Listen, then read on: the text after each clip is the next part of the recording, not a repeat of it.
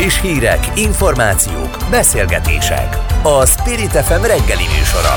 Indítsa velünk a napot, hogy képben legyen.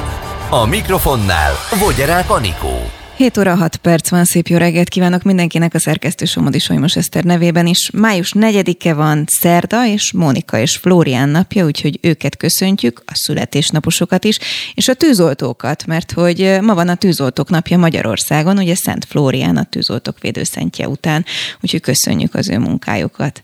Lássuk, hogy mi mindennel foglalkozunk a mai adásban. Rakétatámadás érte Kárpátalját, ahogy hallhatták már az imént Szabó Katitól a hírekben. Nem sokára megpróbálunk majd kapcsolni a helyszínre. Ugye annyit lehet tudni, hogy egy, infra, egy infrastruktúrális létesítményt találtak el, de hogy mi történt pontosan, és most mi a helyzet, megpróbáljuk majd bemutatni. Ma van a háború 70. napja, úgyhogy nyilván foglalkozunk majd ma is a háború legfrissebb híreivel. Átbeszéljük majd ezeket biztonságpolitikai szakértővel. Előrehozott tisztújítást tart a Jobbik szombaton, Jakab Péter mellé és Tummer János, a Nemzetbiztonsági Bizottság korábbi elnöke is bejelentkezett az elnöki posztra. Mi múlik egyáltalán ezen? És egyáltalán miért nem várnak vele? Jakab szerepe inokhat-e, ugye a választási vereség után, mert sokan azt mondták, hogy le kéne mondani, aztán van, aki azt mondja, hogy háttérszervezkedésbe kezdett ő már a választás másnapján. Na ezekről beszélgetünk majd mindjárt a Nézőpont Intézet elemzőjével. Az alakuló ülésen az eskü után az ellenzék egy része kivonult, a Fidesz szerint azért, mert csak a fizetésüket akarják felvenni, de dolgozni nem akarnak ezek a képviselők. Holik István lesz a vendégem, akitől megkérdezem majd, hogy szerinte egyébként mi az érdemi munka most egy újabb kétharmadnál a parlamentben, amikor például azt láthattuk az elmúlt négy évben is, hogy a bizottsági üléseket is bolykottálta a kormánypárt. Aztán szó lesz még ebben az órában arról, hogy az árstop miatt perlik az államot a kis benzinkutak Strasbourgban. Sokan ugye a bezárástól félnek, mert úgy érzik, hogy nem kapnak igazi, valódi kompenzációt. A Független Benzinkutak Szövetségének elnökével fogok beszélgetni. Tartsanak velünk! Spirit FM 92.9 A nagyváros hangja Május 7-én tartja tisztújító kongresszusát a Jobbik. Nyaka Péter a Facebook oldalán arról posztolt, hogy a Jobbik országos elnöksége megerősítette az eddigi néppárti politika helyességét. Nyaka Péter szerint a Jobbiknak az egyetlen esélye az, ha stabil marad. Időközben Stumer János bejelentette, hogy indul a Jobbik elnöki tisztségéért. Hogy merre mehet tovább a Jobbik, arról Talabér Krisztiánnal, a Nézőpont Intézet elemzőjével beszélgetünk. Jó reggelt kívánok! Jó reggelt kívánok! És eredetileg ezt későbbre tervezték, nem? Mi az oka annak, hogy most gyorsan szombaton lesz egy ilyen tisztújító kongresszus? Így van, eredetileg későbbre tervezték, de azért figyelme kell venni, hogy itt mégis volt április 3 választás, ami nem úgy alakult, ahogy alakult. Valószínűleg ezért hozták előbbre ezt az egész rendezvényt. Én azért itt kiemelném azt, hogy Jakab Péter az 2020-ra óta vezeti a Jobbikot, és ezt az elmúlt két évet nagyjából az úgy telt el, hogy Jakab Péter vezetésével. Tehát a tagság, a még megvan a tagság, az alelnökök, mindenki úgy ment bele ebbe a kampányba, hogy Jakab Péter volt az átló, köré gyülekeztek, és gyakorlatilag az érvényesült a párton belül, hogy Jakab Péter szeretett volna. Ebből a szempontból érdekes szerintem vizsgálni a kérdés, hogy Stubmernek egyáltalán van-e helye, van-e akkor a mozgástere a párban, hogy egy ilyen megmérettetésen tudna olyan eredményt felmutatni, ami esetleg a párt átvezetését eredményezni. Akkor igazából ez a tisztújítás azon múlik, hogy Jakab Péter megbukik, avagy sem? Hiszen sokan ugye már akkor pedzegették, hogy hát a jobbik az egyik fő oka az ellenzék bukásának a választásokon, és le kellene mondaniuk a vezetőknek. Jakab Péter akkor azért kiállt, hogy ez nyilván nem az ő hibájuk, mindenki másban kereste a hibát. Ez a tisztújítás most erről szól? Szerintem itt azt is fontos látni, hogy a választás után rögtön Jakab Péternek volt egy posztja, ahol volt egyfajta elnökségi ülés, ahol megerősítették a párt irányvonalát. Ez, ez egyfajta erődemonstráció volt. Tehát, mint azt szerette volna sugalni akár a párton belülieknek, akár a párton kívülieknek, hogy ő továbbra is a pártvezetésnek és a tagságnak a támogatását élvezi. Ezek alapján én, én személy szerint nem gondolnám azt, hogy Jakab Péter pozíciója veszélyben van jobbik vezetésének az élén és tényleg úgy telt el az elmúlt két év, hogy mindenki, aki a párban maradt, elég viharos időszak volt a Jobbiknak 2018 óta, de mindenki, aki a párban maradt, az gyakorlatilag elfogadta a Jakab Péter féle irányvonalat. Stummer János azért egy viszonylag ismertebb figura a Jobbikból, hiszen ugye ő volt a Nemzetbiztonsági Bizottságnak az elnöke is, sokat szerepelt, fontos kérdésekben nyilvánult meg, tehát a közvélemény számára azért ő egy ismert név. Lehet bármi esélye egy ilyen tisztújításon? Miben más egyáltalán a Stummeri politika, vagy amit ő kínál, mint a Jakab? Ez szintén nagyon érdekes, hiszen Stummer János arról beszél, hogy a pártot esetleg vissza kéne állítani a radikális irányvonalba. Jakab Péter pedig pont arról beszél, hogy néppártosodni kell. Ez azért érdekes helyzet, hiszen hiszen egy légüres térbe került gyakorlatilag jobbik. Ha megfigyeljük, a mi hazánknak a sikere pontosan az volt, hogy meg tudta sikeresen szólítani azokat a korábbi jobbik szavazókat, akik szélső jobboldalnak, radikálisnak vallották magukat, a mérsékelt jobboldali szavazókat pedig a, a Fidesz gyakorlatilag magába integrálta az elmúlt évek alatt, és ez egy nagyon sikeres program volt, hiszen 3 milliónás több szavazója volt. Ezek alapján a jobbiknak nem igazán van olyan mozgástere, ami, ami szavazókat tudna behozni számukra, hiszen, mint mondtam, a mi hazánk elvitte a radikális szavazókat, a Fidesz sikeresen integrálja a jobb, a jobb szavazókat. Ezek alapján nem tudom, hogy a, hogy a jobbiknak van-e bármiféle helye. Stumberi irányvonal, vagy esetleg a kap irányvonal lehetne sikeresebb. Én, én elsőre ezt mondanám. A Magyar Nemzeten olvastam egy, egy érdekes cikket, kíváncsi vagyok a véleményére. Azt írják, hogy még az elnökválasztási időpontjának bejelentése előtt Jakab Péter már ilyen baráti alapszervezeteket hozott létre, hogy biztosítsa az esélyeit. Ez egyáltalán mit jelent? A sajtóhíreket mindig úgy kommentálnám, hogy van mindig igazságtartalma, de nem tudjuk, hogy pontosan mennyi. Ez egy bevett praktika egyébként, amikor egy tisztújtáson egy párban visszagondolunk.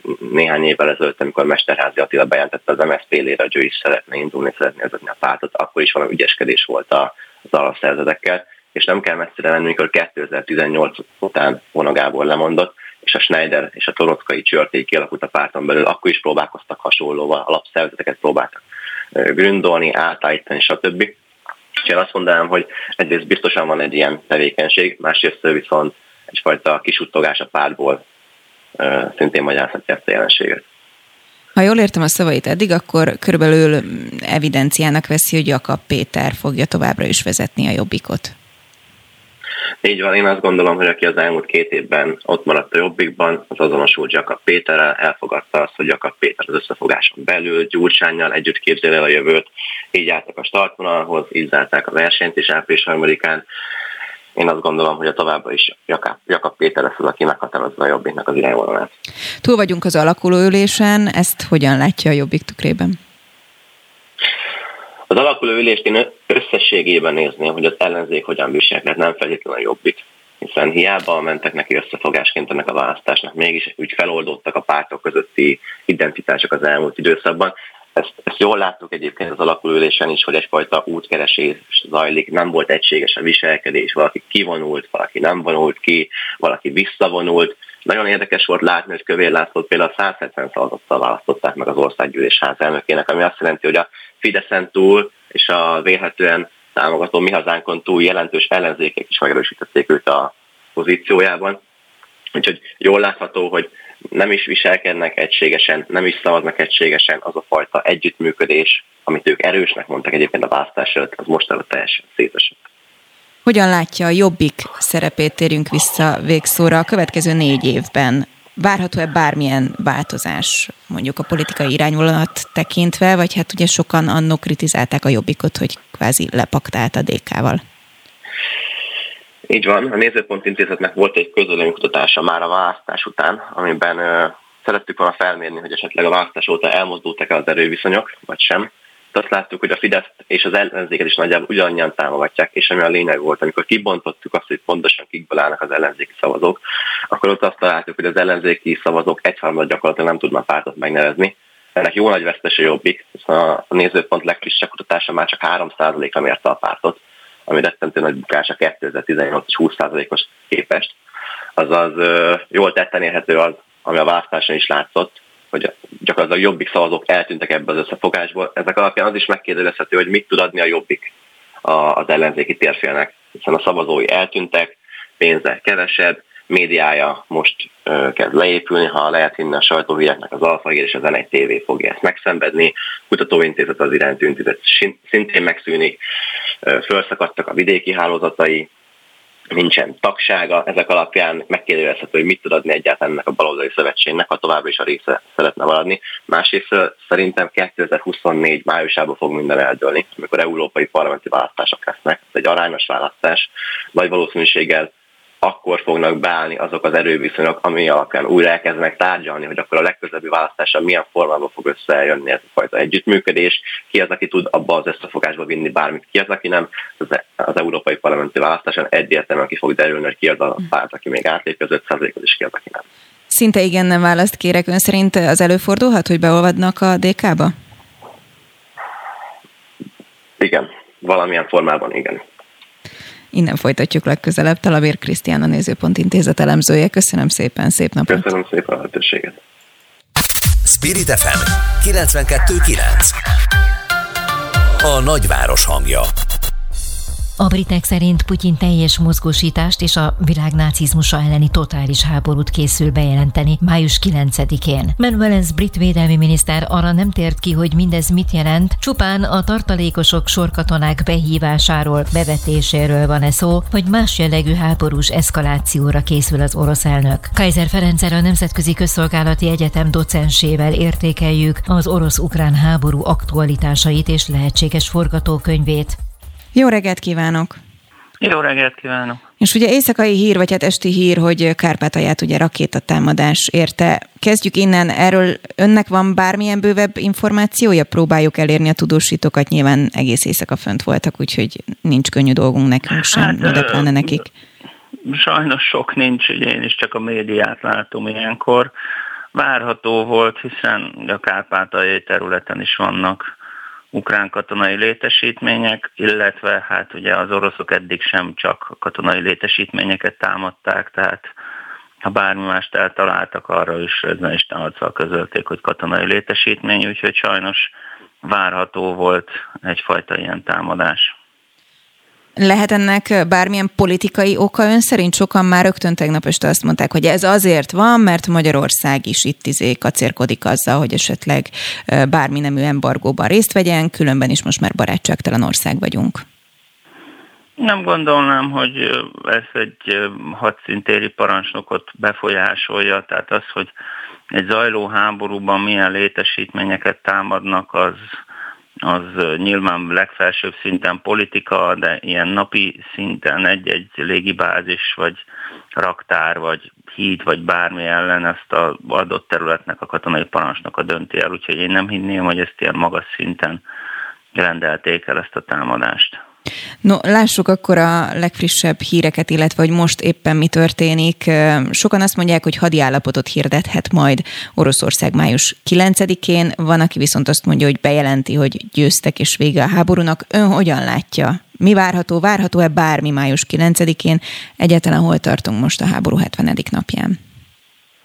Ez egy nagyon jó kérdés, mindenki kíváncsian várja, illetve rettegve várja, nem lehet tudni. Ugye a diktatúráknak, diktátoroknak rossz szokása, hogy bármit hozhat döntést, és az ellenkezőjét is.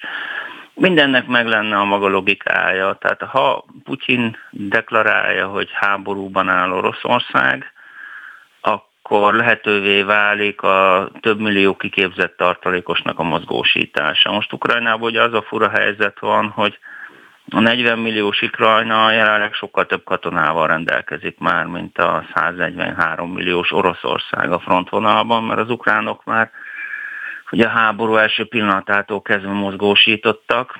Oroszország azzal, hogy még mindig nem hajlandó háborúnak nevezni a háborút, önmagát korlátozza. Ha május 9-én Putyin bejelenti, hogy háborúban állunk, akkor egy elképesztő méretű tartalékos rendszer tud megmozdítani, és azzal valószínűleg nagyon rossz helyzetbe fog kerülni Ukrajna, hiszen ugye ez az embertelen tömeg, ez a elképesztő mennyiségű személyi állomány, ez pár hetes frissítőképzés követően megérkezhet az arcvonalba. Ennek viszont ugye nagyon komoly kockázatai vannak magára Putyéra nézve is, mert Ugye jelenleg azért még többé-kevésbé az orosz haderő legképzettebb része háborúzik, ez is iszonyatos veszteségeket szenved, de a tartalékosoknál a veszteségek is ugrásszerűen nőni fognak, ráadásul egy beásott ellenség ellen, aki egyébként a hazáját véd és a motivációjával sincs semmi baj, óriási veszteségek várhatók. És nyilván, ahogy ugrásszerűen nő a halálos áldozatok száma, azért ugye az elnök iránti szimpátia is csökkenni fog. A békének is megvan a maga lehetősége, Putyin bármikor mondhatja azt, hogy győztem. Ugye azzal, hogy Herszont elfoglalták, meg gyakorlatilag Mariupolt is egy pici-pici résztől, ugye az Azosztálgyától eltekintve, megvan az a szárazföldi folyosó, amivel kvázi össze tudja kötni a krímet, meg a kelet-ukrajnai, hát úgymond lázadó területeket, ugye ezek orosz katonák által megszállt területek, tehát egy minimális területi hódítást be tud jelenteni, de nem tudjuk. Tehát elképesztő munkát ölnek bele a kutatóintézetek abba, hogy megpróbálják kitalálni, hogy hogy fog dönteni az orosz vezetés, de bármit is dönthet, mert egész egyszerűen minimális a rálátása a világnak arra, hogy mi zajlik a kremfalaj mögött. Igazából az a kérdés, hogy mennyi marad Ukrajnából? Hát ez már nagyon régóta kérdés, ugye 14 óta, Krím óta kérdés, az látszott 14-ben, hogy Kelet-Ukrajnával ez az úgymond befagyasztott konfliktussal Putyinnak céljai vannak. Sokan abba bíztak, hogy az lesz, mint ugye Moldova esetén, vagy mint Georgia esetén, vagy mint a Transnistria köztársaság esetében, illetve hogy ott lesz egy szakadárterület, és emiatt az ukránok nem tudnak sehol csatlakozni.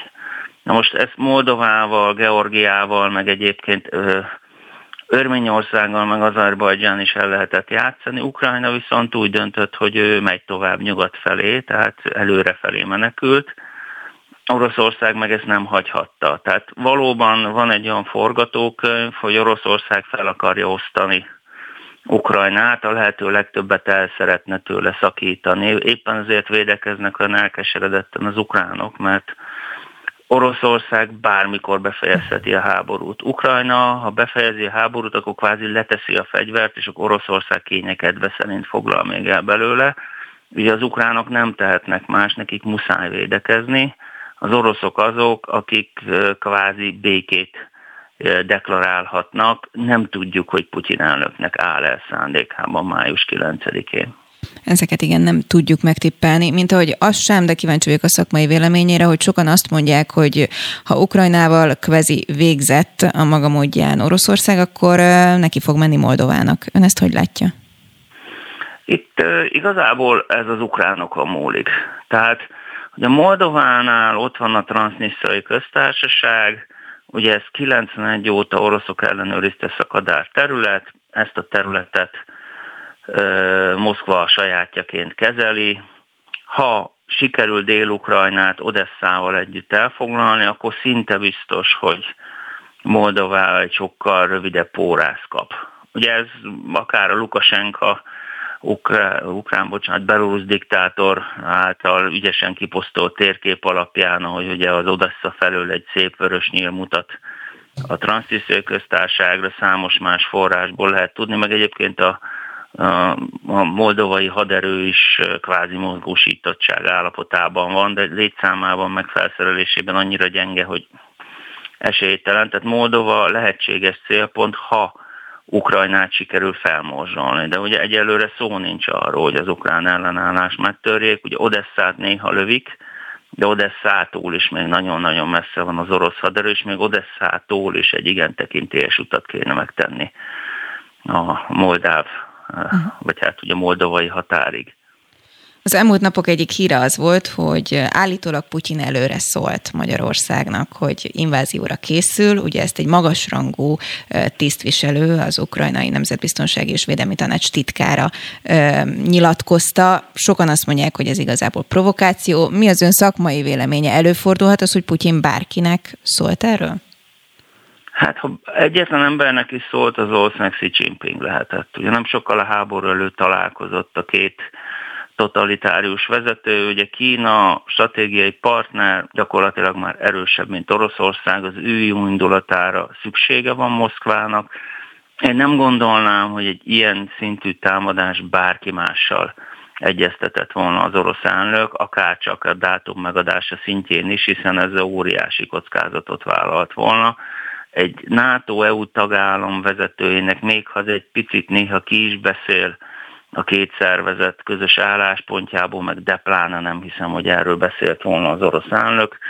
Ez nyilván egy ukrán eh, dezinformációs kísérlet, sajnos rengeteg ilyet látunk a háborúban, ezért is nehéz benne tájékozódni, tehát röviden Nem gondolom, hogy bármilyen ilyen egyeztetés történt volna Putyin elnök és a miniszterelnök úr találkozásán. Közben készül az Unió a most már hatodik szankciós csomagra, aminek ugye az egyik főpontja vagy lényege az úgynevezett olajembargó. Magyarország és Szlovákia felmentést kaphat a hírek szerint. Mégis nagy ütés ez Oroszországnak, hiszen a mai napig kb. egy milliárd dollárnak megfelelő összeg áramlik be hozzájuk, amivel kvázi támogatjuk mi Európa a háborút. Putyin közben ugye ellenszankciókat mond, ez hova vezethet ön szerint? Van olyan elemző, aki azt mondja, hogy igazából a játékelméletet tekintve bele sodorja egymást az Unió, Amerika és Oroszország egy világháborúba. Hát igen, de ugye azt is látni kell, van egy ilyen veszély, hogy Európa meg az USA sem tehet mást. Ugye Oroszország a háború első pillanatától kezdve folyamatosan lóbálja az atombunkós botját. Tehát mind az elnök, mind Lavrov külügyminiszter és számos más vezető, meg ugye az orosz állami médiának a legputyinistább műsorvezető, és időről időre az egész világot, de a fő ellenfeleket elhamvasztással fenyegetik. Tehát pont az a lényeg ennek az egész gazdasági intézkedés csomagnak, hogy Európa, meg az Egyesült Államok sem akar katonai konfliktust Oroszországgal, de a maguk részéről mindent megtesznek azért, hogy Oroszországnak legyen nagyon rossz hogy fejezze be a háborút, és erre gyakorlatilag csak a gazdasági kényszerítő eszközök állnak rendelkezésre. Nyilván Moszkvának hosszú távon, egyébként Európának sem, nem lenne jó az, ha elveszíteni az európai piacait. Viszont ez a jelenlegi orosz hódító háború, az ukrán ellen agresszió, az pont oda hat. Ugye Európában azért a vezetők többsége már 14 óta látja, hogy komoly bajok vannak Oroszországgal, sőt az okosabbak már 2008 óta a Grúzia elleni agressziót látják ezt, ezért igyekeznek az orosz függést csökkenteni. Egy elfogadható szintre. Nyilván nem zárhatjuk ki az orosz energiahordozókat az európai piacokra. Én úgy gondolom, hogy ez önmagában nem vezet el háborúhoz. Pont az a lényege, hogy fegyveres erők alkalmazása nélkül kényszerítse tárgyalóasztalhoz Oroszországot Európa. Kajzer Ferenc, nagyon szépen köszönjük, hogy a rendelkezésünkre állt, és képet adott arról, hogy hol tartunk most. Szép napot! Kérem. Viszont hallásra. És 8 óra 5-kor egyébként kapcsolunk majd Kárpátaljára Dunda Györgyhöz. Annyit lehet tudni most, hogy Volócot érte a rakétatámadás, és valószínűleg a rakéta egy vasúti villanytelepbe csapódott, 500 méteres körzetben kitörtek a házak és lakások ablakai, valamint a közelben lévő járművekben is kár keletkezett. Ezeket egyébként a kárpátalja.net-ről olvastam most, és 8-kor kapcsolunk Kárpátaljára. Friss hírek, információk, beszélgetések. A Spirit FM reggeli műsora. Indítsa velünk a napot, hogy képben legyen. A mikrofonnál Vogyerák Anikó. Letették esküjüket az áprilisi parlamenti választáson mandátumot szerzett képviselők hétfőn, ezzel megalakult az új országgyűlés. Továbbá a parlament elfogadta az országgyűlés bizottságainak létrehozásáról, tagjainak és tisztségviselőinek megválasztásáról szóló határozati javaslatot. A döntés alapján a magyarországi nemzetiségek delegáltjait tömörítő testület mellett 15 bizottság működik a ciklus során a parlamentben, közülük 10 kormánypárti, 5 ellenzéki elnök vezethet. Az eskütéter után a DK és a Momentum képviselői kivonultak az országgyűlés hétfői alakuló üléséről. Hollik Istvánnal a fidesz KDNP szóvívőjével beszélgetünk a következő percekben. Jó reggelt kívánok! Jó reggelt kívánok, köszöntöm a hallgatókat is! A posztolt ön is rögtön az alakulőülés után a Facebookra egy képet, amin éppen azt lát, látjuk, hogy a baloldal az eskütételt követően kivonul, nyilván nem a komplet baloldal, hanem ahogy hallhattuk, csak két párt, és azt írta, hogy úgy néz ki, hogy igazából csak a fizetésüket akarják felvenni, de dolgozni már nem akarnak. Azt gondolja, hogy ez az üzenete ennek a kivonulásnak, meg egyáltalán hogyan értékeli ezt az alakulóülést? Hát én azt gondolom, hogy az országgyűlés a választott képviselők munkahelye. Uh, innentől kezdve nem kedv és politikai kalkuláció kérdése, hogy ki az, aki bejár dolgozni a munkahelyére, és ki az, aki nem. Ugyanis erre a választópolgárok hatalmazták föl erre a munkára, ezért én úgy gondolom, hogy nem teheti meg egyetlen képviselő sem, hogy az országgyűlésbe nem jár be. Az meg szerintem végképp nem járja, hogy valakit megválasztanak például a hatházi Ákos zuglóban, és még az esküjét sem teszi le, tehát még jogi lehetősége sincs arra, hogy az uglóiakat képviselje, Eh, ha ezt előre elmondja az uglóiaknak, akkor azt mondanám, hogy még nincs is gond vele, de gondolom, hogy nem tájékoztat erről az uglóiakat, hogy ő nem fog életeni az esküt, így nem is fog beülni a parlamentbe, így lehetőségesebb lesz őket képviselni. Igen, mert ugye aki nem teszi le az esküt, az nem csak, hogy nem kap fizetést, hanem semmilyen tisztséget sem tölthet be, de bármikor leteheti hát, az esküt, nem? szólalhat a parlamentben, tehát eh, semmilyen jogosultsága nincsen, aki még az esküt sem teszi le. De később leteheti, úgy tudom, ugye? így van leteheti, de hogyha később leteszi, akkor miért nem most tette le? Igen, ezek nyilván politikai üzenetek. Az ellenzék azt mondja, hogy például azt szeretnék ezzel üzenni, hogy hát igazából nincs is értelme a parlamenti munkának, egy újabb kétharmadnál a Fidesz, a kormánypárt azt csinál, amit akar. Van értelme az ellenzék parlamenti munkájának? Hogy látja? Még egyszer mondom, azt gondolom, hogy ez nem értelem kérdése a választópolgárok 34 százaléka pontosan úgy döntött, hogy a baloldal képviselőit küldi be a parlamentbe, azért, hogy dolgozzanak. Azt gondolom, hogy velük nem tehetik meg e, a baloldal országgyűlési képviselői, e, hogy nem jönnek be és nem dolgoznak az országgyűlésben.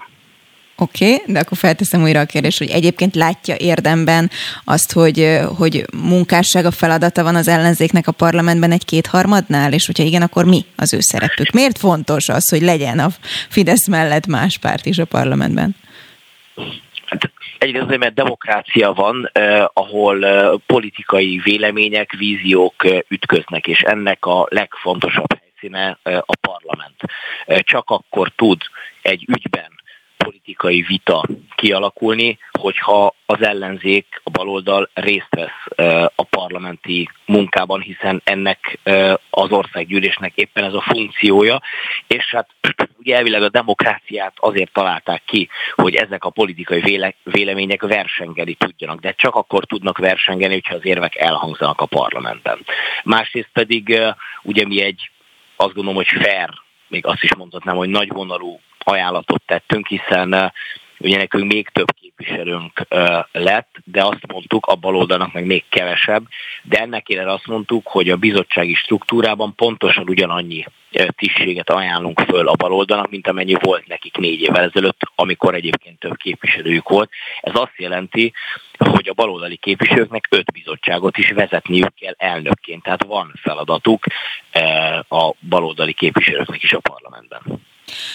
Egyre többen beszélnek arról, és a jobb oldalon is, hogy valamiféle konszolidáció kellene a politikában, közelíteni kellene az álláspontokat, és tegnap volt egy, hát vagy furcsa, vagy példaértékű, kíváncsi vagyok a véleményére sajtótájékoztató Hódmezővásárhelyen, ugye ahol Márkizaj Péter állt ki Lázár Jánossal, és gyakorlatilag, mint hogyha barátok lennének, fegyverszünetet kötöttünk, idézem Lázár Jánost, és együtt fogunk dolgozni innentől kezdve, hogy Hódmezővásárhelynek jó legyen. Ez csak egy extrém példa, vagy ön szerint elindulhat valami a nagypolitikában is?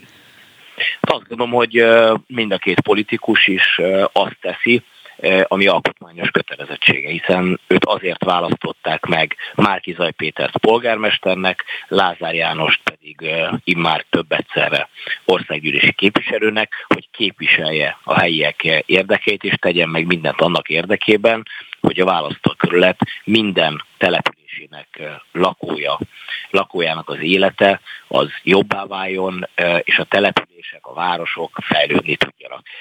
Ha innen nézzük a dolgot, akkor teljesen természetes az, ami történt.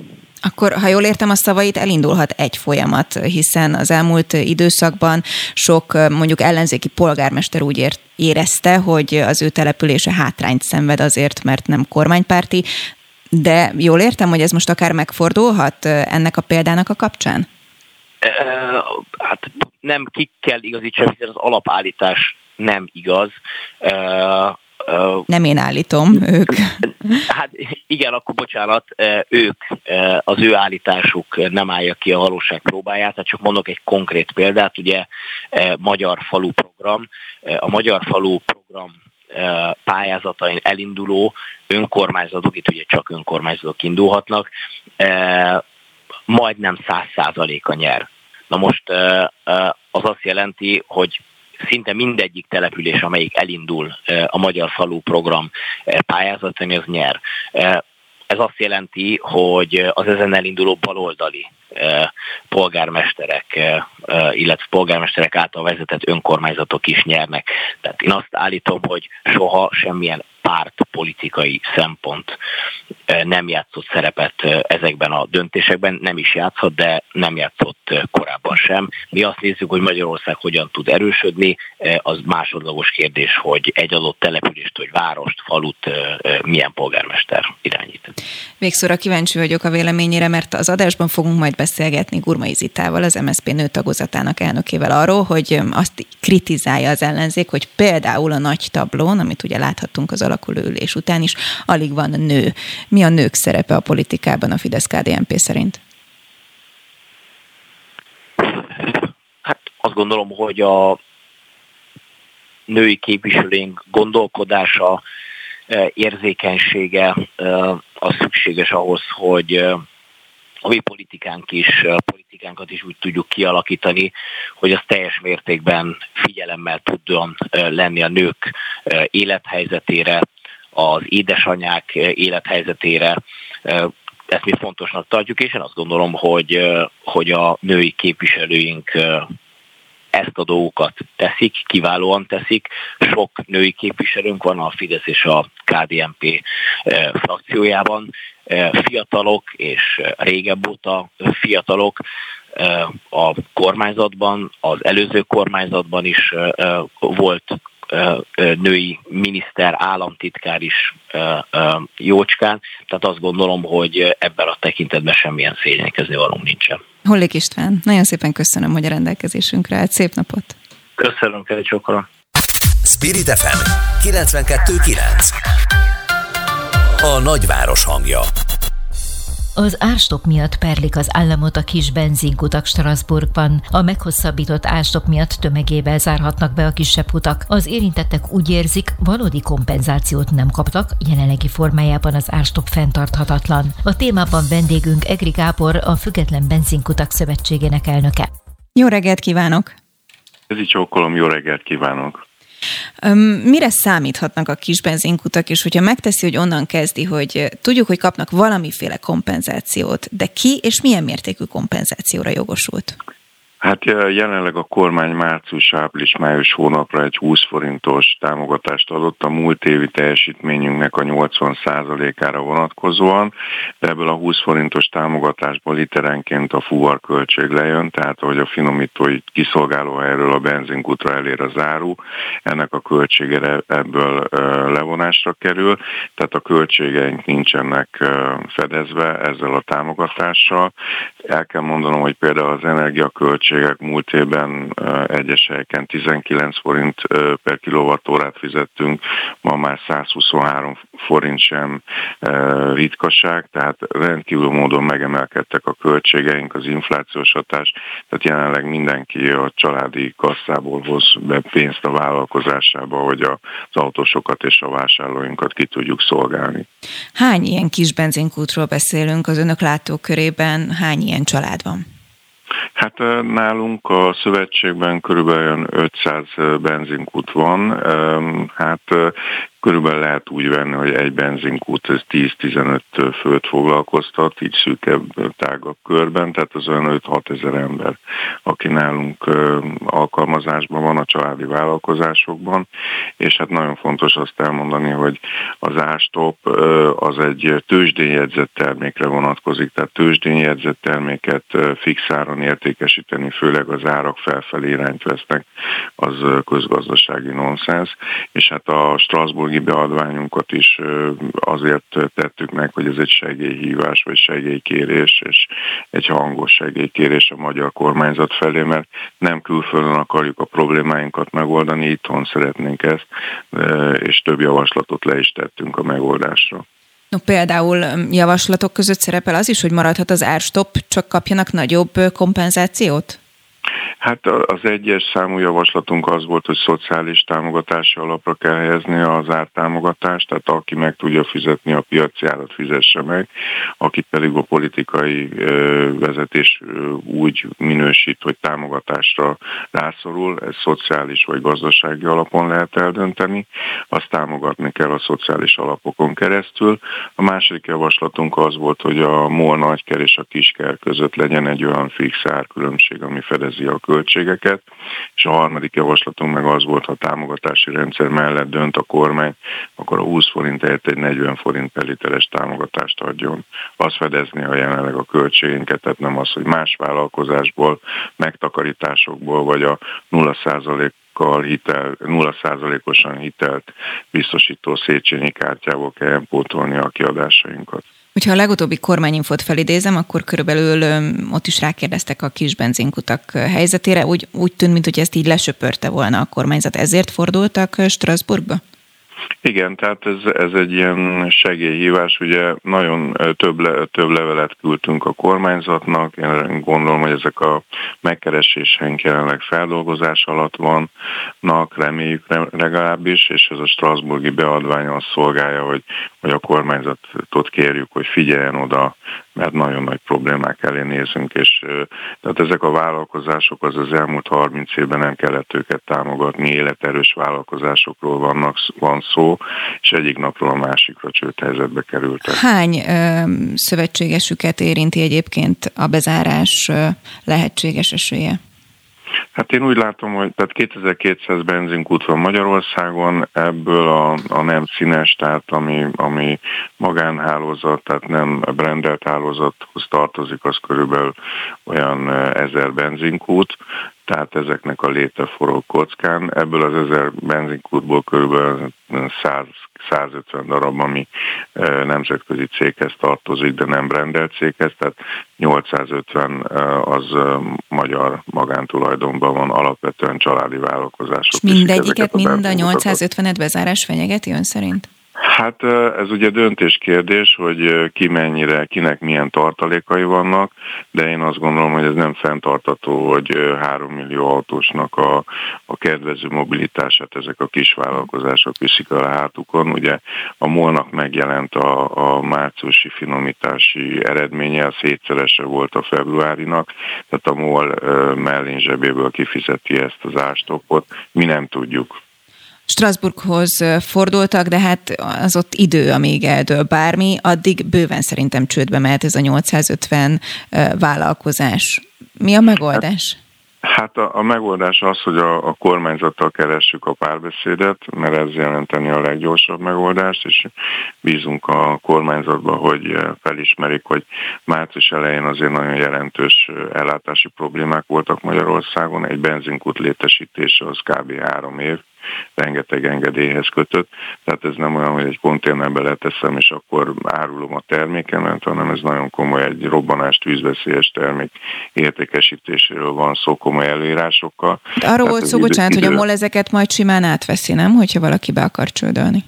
Nem tudja átvenni, mert technikai nem megoldható az átvétel. Tehát egy benzinkutnak az átvétele az eltartat akár 6 hónapig is, amíg a megfelelő pénztárgép kasszabekötések megtörténnek a NAV-nál, különböző hatósági engedélyek beszerzésre kerülnek, tehát ez mind idő, hitelesítéseket végre kell hajtani újra, tehát ezek olyan technikai elemek, amik megkerülhetetlenek.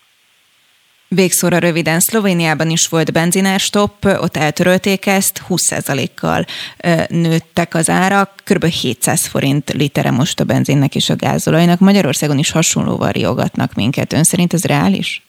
Hát a piaci ár ez körülbelül itt van, igen, ez reális, de hát nem megkerülhetőek a piaci árak, és az emberek tudatosságát pedig arra, arra kell irányítani, hogy igen, az energia drága, az energiával spórolni kell, és alternatívákat kell keresni. Magyarországon rengeteg lehetőség van alternatív energiák előállítására, a geotermiától, a biomasszán át, a zöld energián, szél, szél, szolár, tehát nagyon jelentős tartalékokkal rendelkezünk. Magyarországnak el kellene indulni ebbe az irányba erősebben. Egri Gábor a Független Benzinkutak Szövetségének elnöke. Köszönöm szépen. Nagyon köszönöm a lehetőséget, kezi csokkolom. Spirit FM 92.9 A nagyváros hangja Megalakult az első Momentum frakció, az eskütételt követően az összes képviselőjük kivonult a parlament alakuló ülés érdemi részéről. A párt azt ígéri, a következő időszakban azon dolgoznak, hogy a politika a hatalom helyett újra az embereket szolgálja, és hogy megmutassák, lehet jobban és tisztességesebben politizálni. A következő percekben Tompos Mártonnal, a párt szóvívőjével, országgyűlési képviselőjével beszélgetünk. Jó reggelt kívánok! Szép jó reggelt, üdvözlöm a hallgatókat. Miért vonultak ki? Hát azért vonultuk ki, mert úgy gondoljuk, hogy a, a minimumot megtesszük bent, megtesszük az esküt, ezen már nem újjon, és aztán a, amikor egymást meglapogatva, megválasztva bejelentik, hogy mennyire ez tisztességes és egyenlő választásoknak voltunk a szemtanúi, illetve az átélői, akkor azon már nem szeretnénk részt venni. Néhány perccel ezelőtt Hollik István volt a vendégünk telefonon, ugye a Fidesz kommunikációs igazgatója, és amikor őt kérdeztem erről, akkor, akkor azt mondta, hogy ez így igazából nem tisztességes, mert azért vannak megválasztva a képviselők, hogy már pedig járjanak be, ez a munkahelyük, ezért kapják a fizetést. Amikor arról kérdeztem, hogy jó-jó, de mondjuk érdemben mit tud hozzátenni egy ellenzék egy újabb kétharmadhoz, akkor azt mondta, hogy hát ezzel biztosítjuk azt, hogy demokrácia van, és már pedig a parlamentben ütköztetni kell a véleményeket. Ez egy nagyon érdekes állítás, illetve egy nagyon, nagyon szép állítás Hólik úrtól. Ugye benne van, hogyha a véleményeket ütköztetjük, de aztán nem hallgatják meg az ellenérveket, akkor azért továbbra is fennáll az a kérdés, amit feltett neki, hogy jó, de hogy mit, mit tud hozzátenni az ellenzéki képviselő. Sajnos azt látjuk, hogy csomó esetben az ellenzéki indítványok akár jók, akár nem, akár lehetne velük kezdeni valamit, akár nem, még a Törvényalkotási Bizottságon sem jutnak át.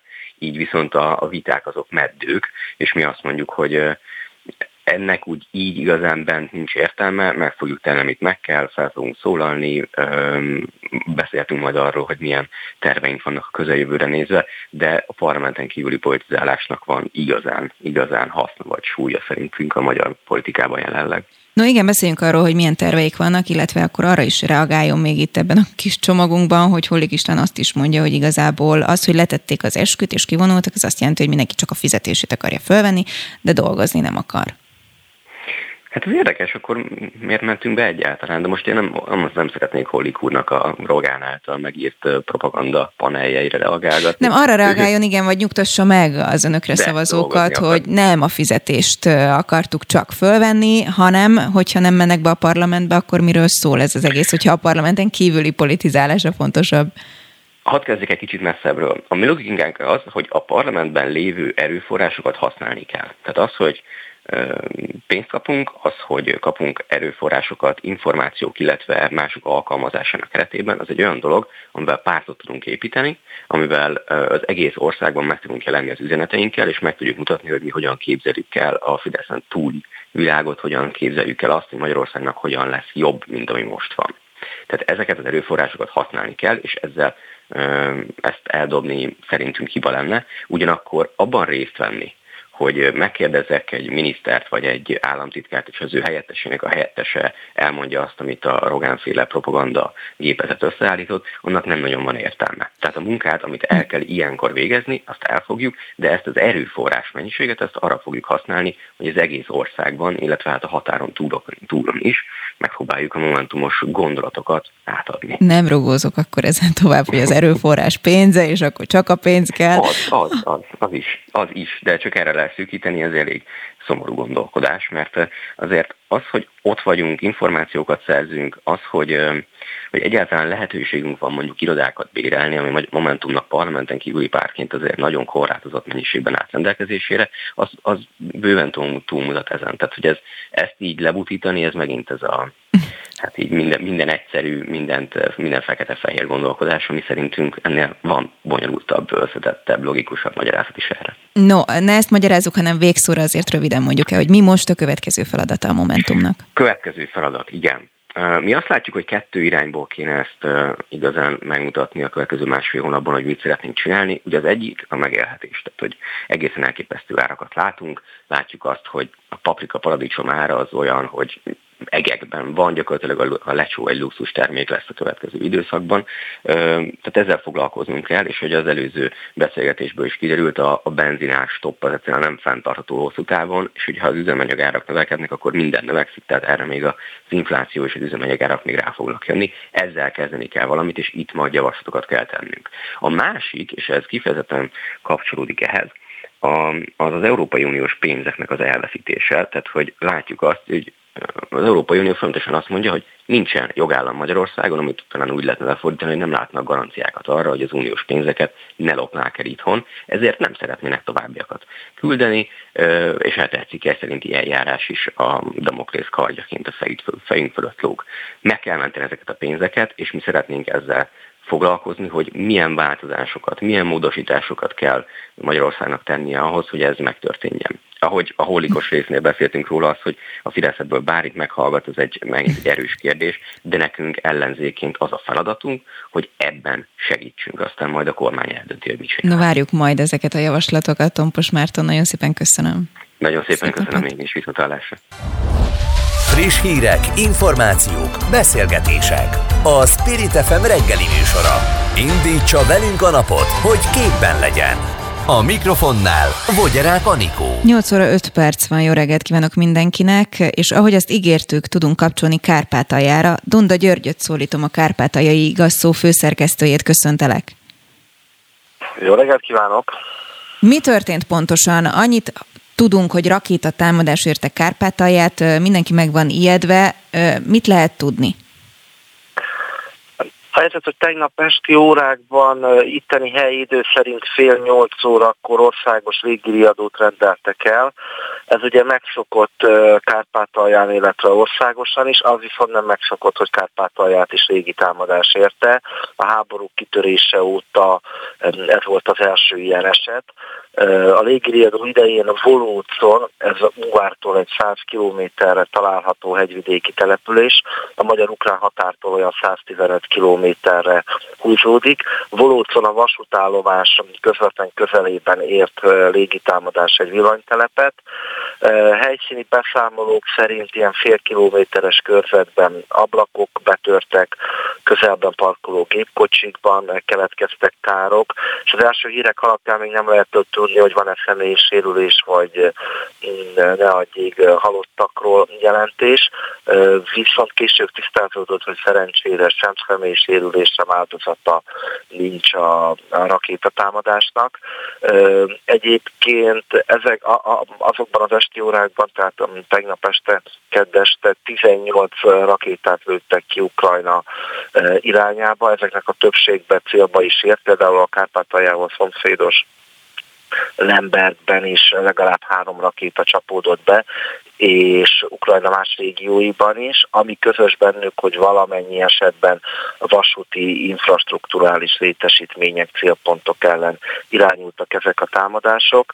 Vélhetően ennek az a legfőbb magyarázata, hogy ezzel is próbálja az orosz fél ellehetetleníteni, nehezíteni, késleltetni a nyugati fegyverszállítmányokat, amit leginkább ugye vasúton próbálnak eljuttatni a keleti, délkeleti régióba, ahol a legintenzívebb harcok zajlanak jelenleg. Amikor az előző órában beszéltünk Kaiser Ferenccel, aki biztonságpolitikai szakértő, és rákérdeztem erre a Kárpátaljai esetre, ő azt mondta, hogy igazából várható volt, hogy Kárpátalján is lesz előbb vagy utóbb rakétatámadás. Te, ti ezt hogy látjátok?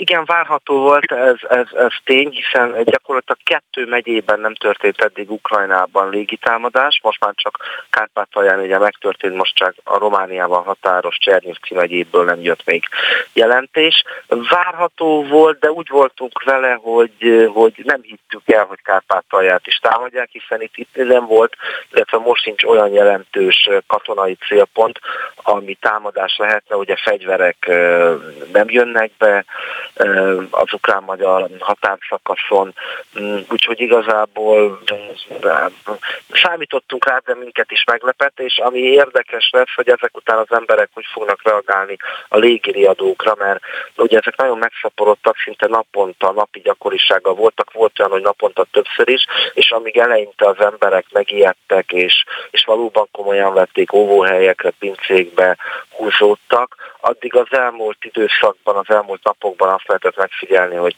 légiriadó esetén is ugyanúgy zajlik az élet, senki nem siet óvóhelyre, mert teszi a dolgát, a, a utcákon az emberek közlekedés mi egymás, a tömegközlekedés állt csak le az kötelező érvényel, ugye, ilyenkor. Most ezután a tegnapi támadás után vélhetően az emberek ehhez ez, ez nagyobb felelősséggel fognak viszonyulni, és egyébként Viktor Nikita megyei katonai közigazgatás vezetője is erre szólított fel a légitámadás után, hogy legyenek szívesek az emberek, vegyék a lehető legkomolyabban a légiriadókat, hiszen mint el bebizonyosodott, valóban bárhol, bármikor eh, megtörténhet a baj. Hogy látod egyébként, nem tudom, hogy most reggel találkoztál-e már bárkivel, vagy tegnap este, a hangulat milyen Kárpátalján ezek után? Van félelem? Még ezt nehéz megmondani, nyilván a mai nap, egy, egy-két napnak el kell telni, hogy ki hogy reagál erre. E, így a legelső benyomásaim alapján a háború február 24-i kitörésekor e, nagyobb volt a pánik hangulat, nagyon sokan menekültek a határ túloldalára, e, és egy pánik hangulat uralkodott el. Most az első órákban, ugye néhány órával vagyunk túl az esti rakétatámadás után, hasonló nem figyelhető meg, Valahogy a háború 69. napja volt tegnap, ma van a 70. ugye. A háború 69 napja alatt azok, akik itt maradtunk, akik itt tesszük a dolgunkat továbbra is, valahogy megtanultunk együtt élni ezekkel a problémákkal, nehézségekkel, és ezekkel a Hát a rakétatámadásokkal még nem a légiriadókkal, igen, de ugye most már a rakétatámadás is megtörtént. Viszonylag a magyar lakta, Kárpátalja magyar lakta területeitől a Volóci község távol található, Munkácshoz van talán a legközelebb olyan 50 kilométerre, Beregszáztól 75-80 kilométerre, illetve a határmenti magyar lakott területektől de azzal együtt is, hogy mégis a mi megyénket, a mi régiónkat érte egy ilyen légitámadás, senki sincs bebiztosítva, hogy holnap, holnap után hol lehet a következő. Még kérdéses lesz a, a reakciók. Nyilván ez attól is függ, hogy az elkövetkező napokban megismétlődik-e Kárpátalját érő találat, mert ha igen, akkor félő, hogy ez nyilván pánik hangulatot vált ki. És gondoljunk azokra a menekültekre is, akik éppen Kelet-Ukrajnából menekültek el a biztonságosabb nyugati régiókban, és akkor itt is utolérik őket a háború. Dunda György, nagyon szépen köszönöm, hogy a rendelkezésünkre álltál, és akkor folyamatosan próbálunk mi is tudósítani, akár általad arról, hogy mi a legfrissebb helyzet ott Kárpátalján. Köszönjük szépen! Köszönöm, Vissza. Spirit FM 92.9 A nagyváros hangja 26 vezetői posztra választottak képviselőket az új országgyűlésben, kivétel nélkül férfiakat, írja a 444.hu cikkében. A 198 parlamenti képviselőnek mindössze 14% a nő. A Kövér László listáján szereplő 16 elnök között egyetlen egy nő sem található. Gurmai Zitával az MSZP nőtagozatának elnökével beszélünk a nők helyzetéről a közéletben és a parlamentben. Jó reggelt kívánok! Jó reggelt kívánok! Hát azért azt tegyük hozzá, hogy 1990 óta sajnos változatlanul 10% körül a nők képviselet a Magyarországgyűlésben. Most 28-an vagyunk nők, az előző országgyűlésben voltunk 26-an. Hát annyi jó hírem van, hogy az ellenzéki képviselőknek 19% a nő, míg a Fidesz képviselőnek csak 11%-a. Egyébként a KDNP áll a legrosszabbul, hiszen csak 6 százalékban vannak képviselők. Ugye miről is beszélt ugye itt a tudósítás elején a kollega, ugye az, hogy 15 darab parlamenti bizottság van, ebben a 15 bizottságban gyakorlatilag mindegyiket férfi vezeti a parlament alelnöke és a ház nagyon nő, tehát összesen gyakorlatilag a legfelsőbb szinten gyakorlatilag két nőtársunkat találunk, és hogyha megnézzük azt, hogy gyakorlatilag a bizottsági alelnökök között 17% a nő, és gyakorlatilag a frakcióvezető helyettesek között, én is ugye a frakcióvezető helyetteseként tudom ezt mondani, 25, 21 százalék.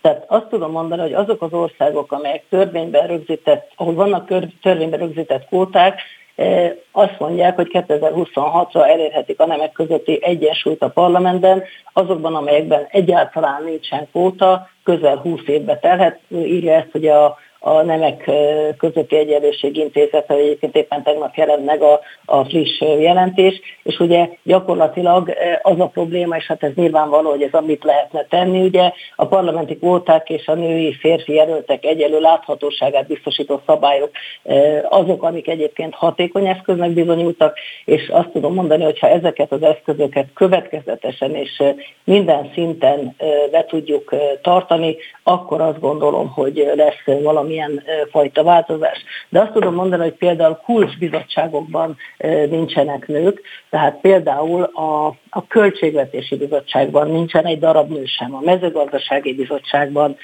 nincsen egy darab nő sem, tehát, tehát mentelmi bizottságban, akkor a, a hogy mondják, azt most nem jut eszembe, még volt egy bizottság, és ami nagyon érdekes, hogy van két bizottság, ahol, illetve három bizottság, ahol sok a nő, ahol 33 a nő, ez a külügyi, az európai ügyek és a fenntartható fejlődés bizottság. Persze hihetetlen kevés a nő, tehát persze honnan lehetne több nőt varázsolni ugye a, a bizottságokban, ha egyébként is rendkívül kevesen vagyunk. Sajnos ez az a tendencia, amiben Magyarország a 100 51. volt az előző ciklusban, hát most sem áll gyakorlatilag sokkal jobban, és hát azt tudom mondani, mint volt európai parlamenti képviselő, hogy gyakorlatilag az EU-s 27 tagállamban és gyakorlatilag Magyarország továbbra is az utolsó helyen van. Hollék Istvánt kérdeztem, aki a vendégünk volt a műsorban erről is, hogy tudtam, hogy önnel fogok beszélgetni, hogy mi a nők szerepe ő szerinte,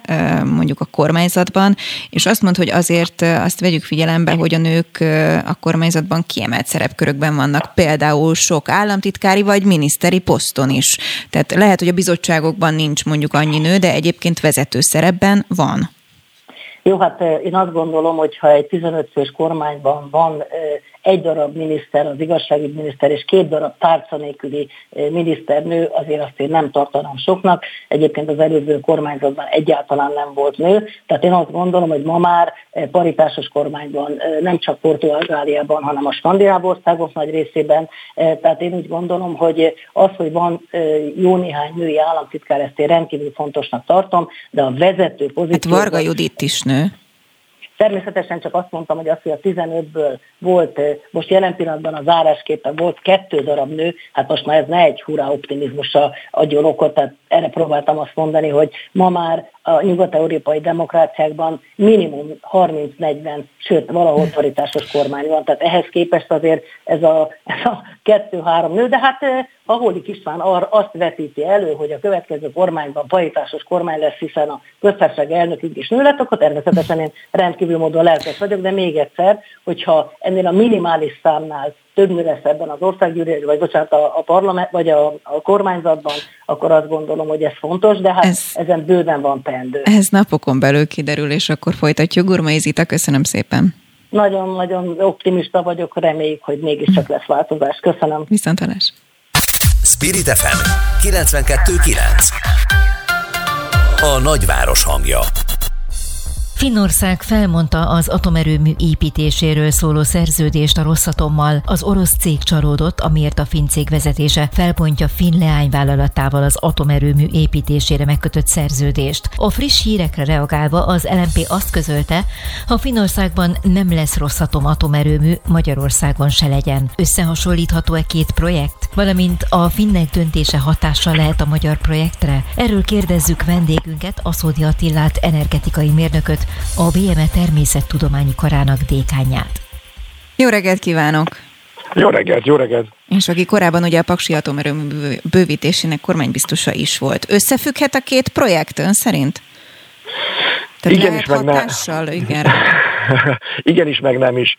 A tulajdonosi szerkezete nagyon más a film projektnek, hiszen ott önkormányzatok, magánszereplők, ipari cégek a tulajdonosai annak a társaságnak, aki magát az erőművet megrendelte, és más a projektet érintő különbségek is vannak. Ugyanakkor őszintén szólva azért sok tekintetben te, kezeltük úgy a, a film projektet, mint egy, egy testvérprojekt, aminek a történései azért mérvadóak a, a számunkra. Ugye a finnek egy évvel korábban kötötték a szerződést, és tulajdonképpen egy évvel hamarabb indult meg a mérnöki munka, aztán voltak olyan szakaszok, amikor szerintem a magyar projekt mérnöki szempontból lehagyta a film projektet, mert egyszerűen a magyar oldalon több mérnöki támogatást lehetett biztosítani az orosz fél számára, mint amit a, a finn cég tudott Finnországban biztosítani.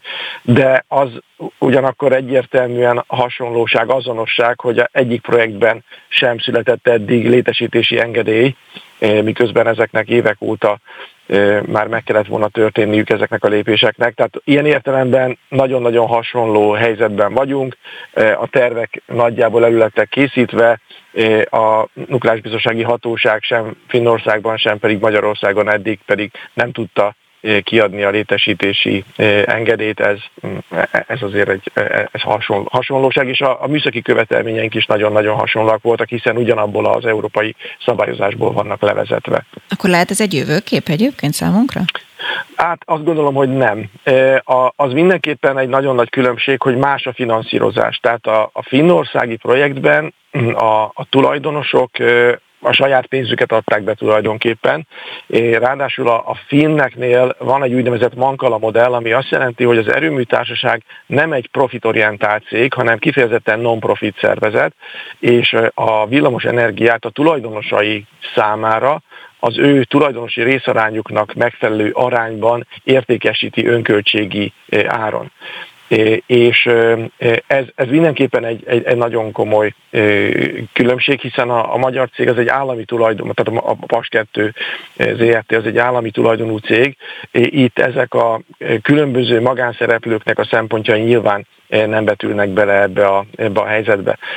Műszakilag persze mindenképpen elgondolkodható, ami Finnországban történt, hiszen ahogy az előbb mondtam, nem tudott a, a Finn projekt sem és a magyar projekt sem eddig létesítési engedélyt szerezni, és ennek a, a Finnek szerint alapvetően az az oka, hogy, hogy, a, hogy a, a fővállalkozó, tehát a, a, a Rosszatomnak a tulajdonában lévő projektcég az nem tudott kellően előre haladni, azt, sőt azt írják igazániból a közleményükben, hogy úgy ítélik meg, hogy nem képes arra, hogy ezt a projektet megvalósítsa. Most nálunk a fővállalkozó egy másik Rosatom tulajdonban lévő cég, tehát önmagában ebből még nem kéne, hogy következzen bármi is, de azért mégiscsak a Rosatomnak a képességeit, hozzáállását és munka teljesítményét, munkasebességét azért sajnos ez a, ez a film történés jellemzi. És hát ne arra ugyan, de még egy dolgot fel kell, hogy hozzak, mert azért szerintem a politikai környezet nagyon-nagyon más, és a, az ilyen nagy, nagy projekteknél a politikának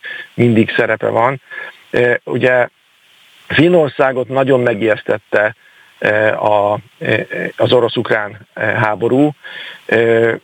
Ugye Finnországnak van egy 1300 km hosszúságú közös határa Oroszországgal, és közvetlenül a, a második világháború előtt ugye volt egy nagyon rossz élménye a finneknek, mert Oroszország megtámadta Finnországot, és egyébként a, a sokkal kisebb finn hadsereg megverte abban a rövid háborúban az oroszokat, de hogy tehát ők hagyományosan nagyon tartanak az oroszoktól politikai, külpolitikai szempontból, megalapozottan, és az, ami most Ukrajnában történik, az az agresszió, amit az oroszok Ukrajnában végrehajtanak, az mindenképpen negatívan befolyásolja az oroszok finnországi megítélését, és hát tulajdonképpen látjuk azt, hogy, hogy Finnország masszívan gondolkodik azon, hogy, hogy belép a NATO-ba, tehát ennek olyan politikai következményei vannak, ami szerintem így az energetikára is rávetül.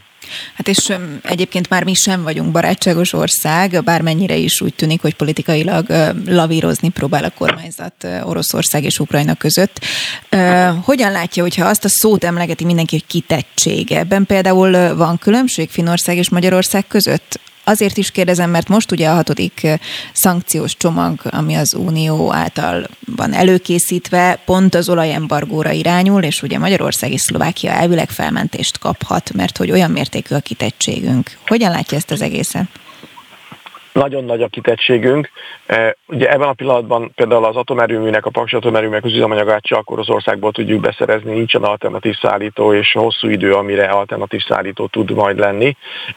Itt mindenképpen ebben a pillanatban 100%-os a kitettség. A földgázellátásunk tekintetében meg mondjuk 85%-os a kitettség, mert a Magyarországon felhasznált földgáznak a 15%-a hazai termelésből származik, de a maradék 85% import, és az ebben a pillanatban 100%-ban eh, orosz molekulákat tartalmaz csak, tehát csak Oroszországból tudunk ebben a pillanatban importálni, és ahogy mondom, ez 85%. És a szlovákoknál sem eh, különböző a helyzet, tehát igen, Magyarországnak, Szlovákiának nagyon nagy a kitettsége, nagyon sok országnak még magas a kitettsége, de, de nekünk kiemelkedően magas, és nyilván mind a lakosság ellátása, mind az ipar, az ipari termelés fenntartása nagyon komoly problémákba ütköznek, hogyha megszűnne a, a, a földgázellátás, és a, a, a kőolajban nem ennyire magas a kitettség, de ott is nagyon magas, 50% fölötti, tehát ez nagyon komoly gondokat okozna. És ez nyilván egyébként az oroszoknak a számításában ez maximálisan benne van. Tehát ők ezt végig gondolták akkor, amikor ezt a háborút elindították, és pontosan arra számítottak, hogy a, az európai partnereknek a, a mozgástere nagyon kicsi lesz, éppen ezek miatt a kitettségi kérdések miatt, és hát ebben lesz óriási eh, nagy változás. Ha megengedi egy mondat erejéig, még azért visszatérnék az eredeti kérdésre, mert pontosan ez a kitettség az, ami szerintem befolyásolja, hogy, hogy mit lehet és mit kell csinálni az atomerőmű tekintetében, mert őszintén szóval a, földgáz kitettségünk nagy volt a miatt, itt ez egy óriási kockázat a számunkra, és első, tehát az lenne a legfontosabb, hogy a lehető leghamarabb legyen új atomerőmű termelőkapacitás, hogy a földgázról jobban le tudjunk válni, mert, mert ott a, ha, ha lekapcsolják a vezetéket, akár a, az európai szankciók, akár az orosz szállítási hajlandóság megszűnése miatt, akkor ott, ott sokkal hamarabb van nagyon nagy baj, mint, mint bárhol máshol. A Paks 2 projekt mindemellett meddig tud egy ilyen kvázi altatott állapotban tovább menni? Nagyon nagy baj lenne, hogyha altatott állapotba kerülne. Tehát őszintén szólva, Nincs hogyha... Abban? Hivatalosan nincs abban, nem tudom megmondani, hogy mennyire van abban. Ugye itt nagyon izgalmas kérdések felvetődnek. Tehát ahhoz, hogy egy ilyen kooperációt meg lehessen valósítani, ahhoz szakembereknek kell jönni-menni, utazni kell tudni. Ha most a, a, például a vízumokon keresztül olyan helyzet keletkezik, hogy, hogy az orosz szakértők nem tudnak beutazni, akkor igaza van, ez bealtathatja a, a projektet. Vagy a pénzügyi rendszer, hogyha megváltozik és nem lehet fizetni a szolgáltatásokért, akkor ez nyilván arra fogja sarkalni a feleket, hogy, hogy frízeljék a projektet, és akkor az, az viszont azért nagyon nagy probléma, mert akkor a pénzünk, amit eddig ráköltöttünk, benne áll, és, és, és nem, nem fial.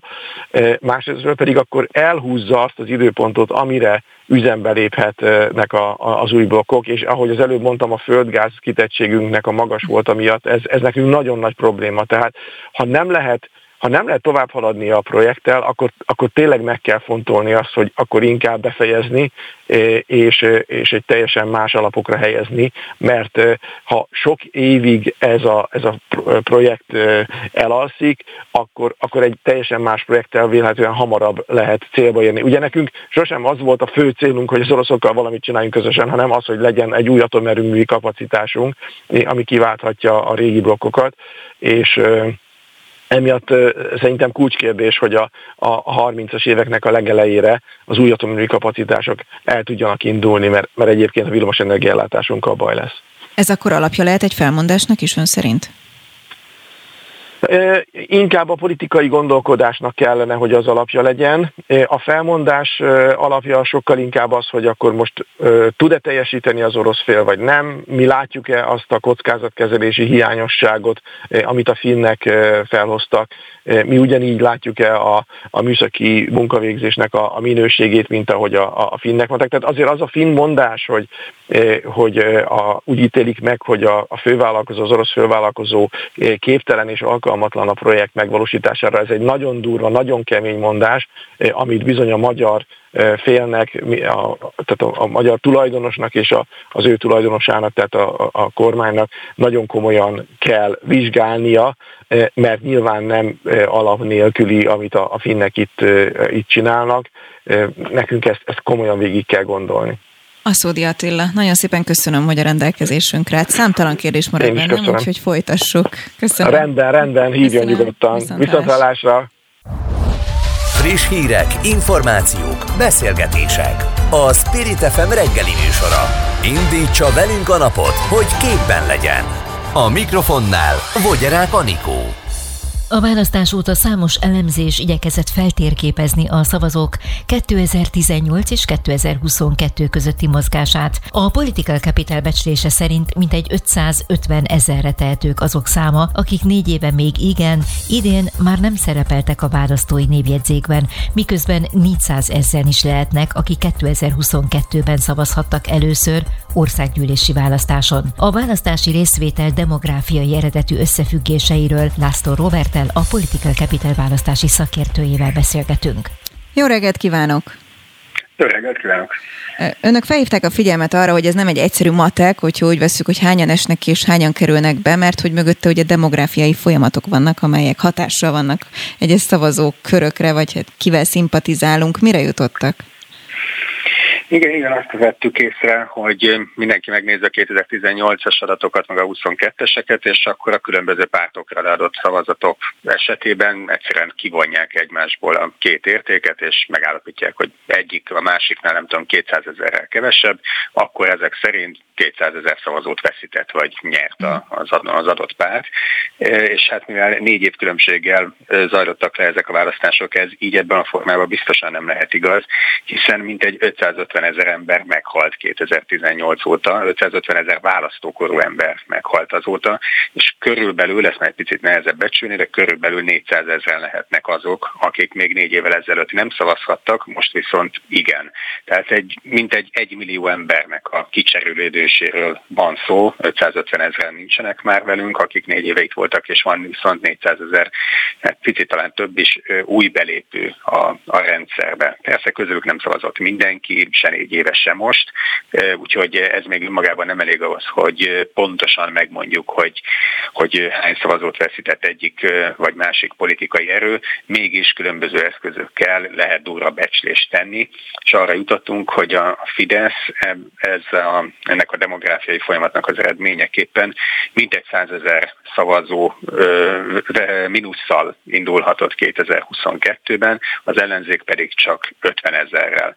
Most ami ennél fontosabb, ez, ez azt is jelenti, hogy mivel a Fidesz több mint 200 ezer szavazóval többet, 200 ezer szavazattal többet szerzett idén, mint négy éve, hát ez azt is jelenti, hogyha egy 100 ezeres mínuszból indult, hogy legalább 300 ezer olyan választópolgár van ma Magyarországon határon innen, aki négy éve még más pártot támogatott, idén viszont a Fideszt.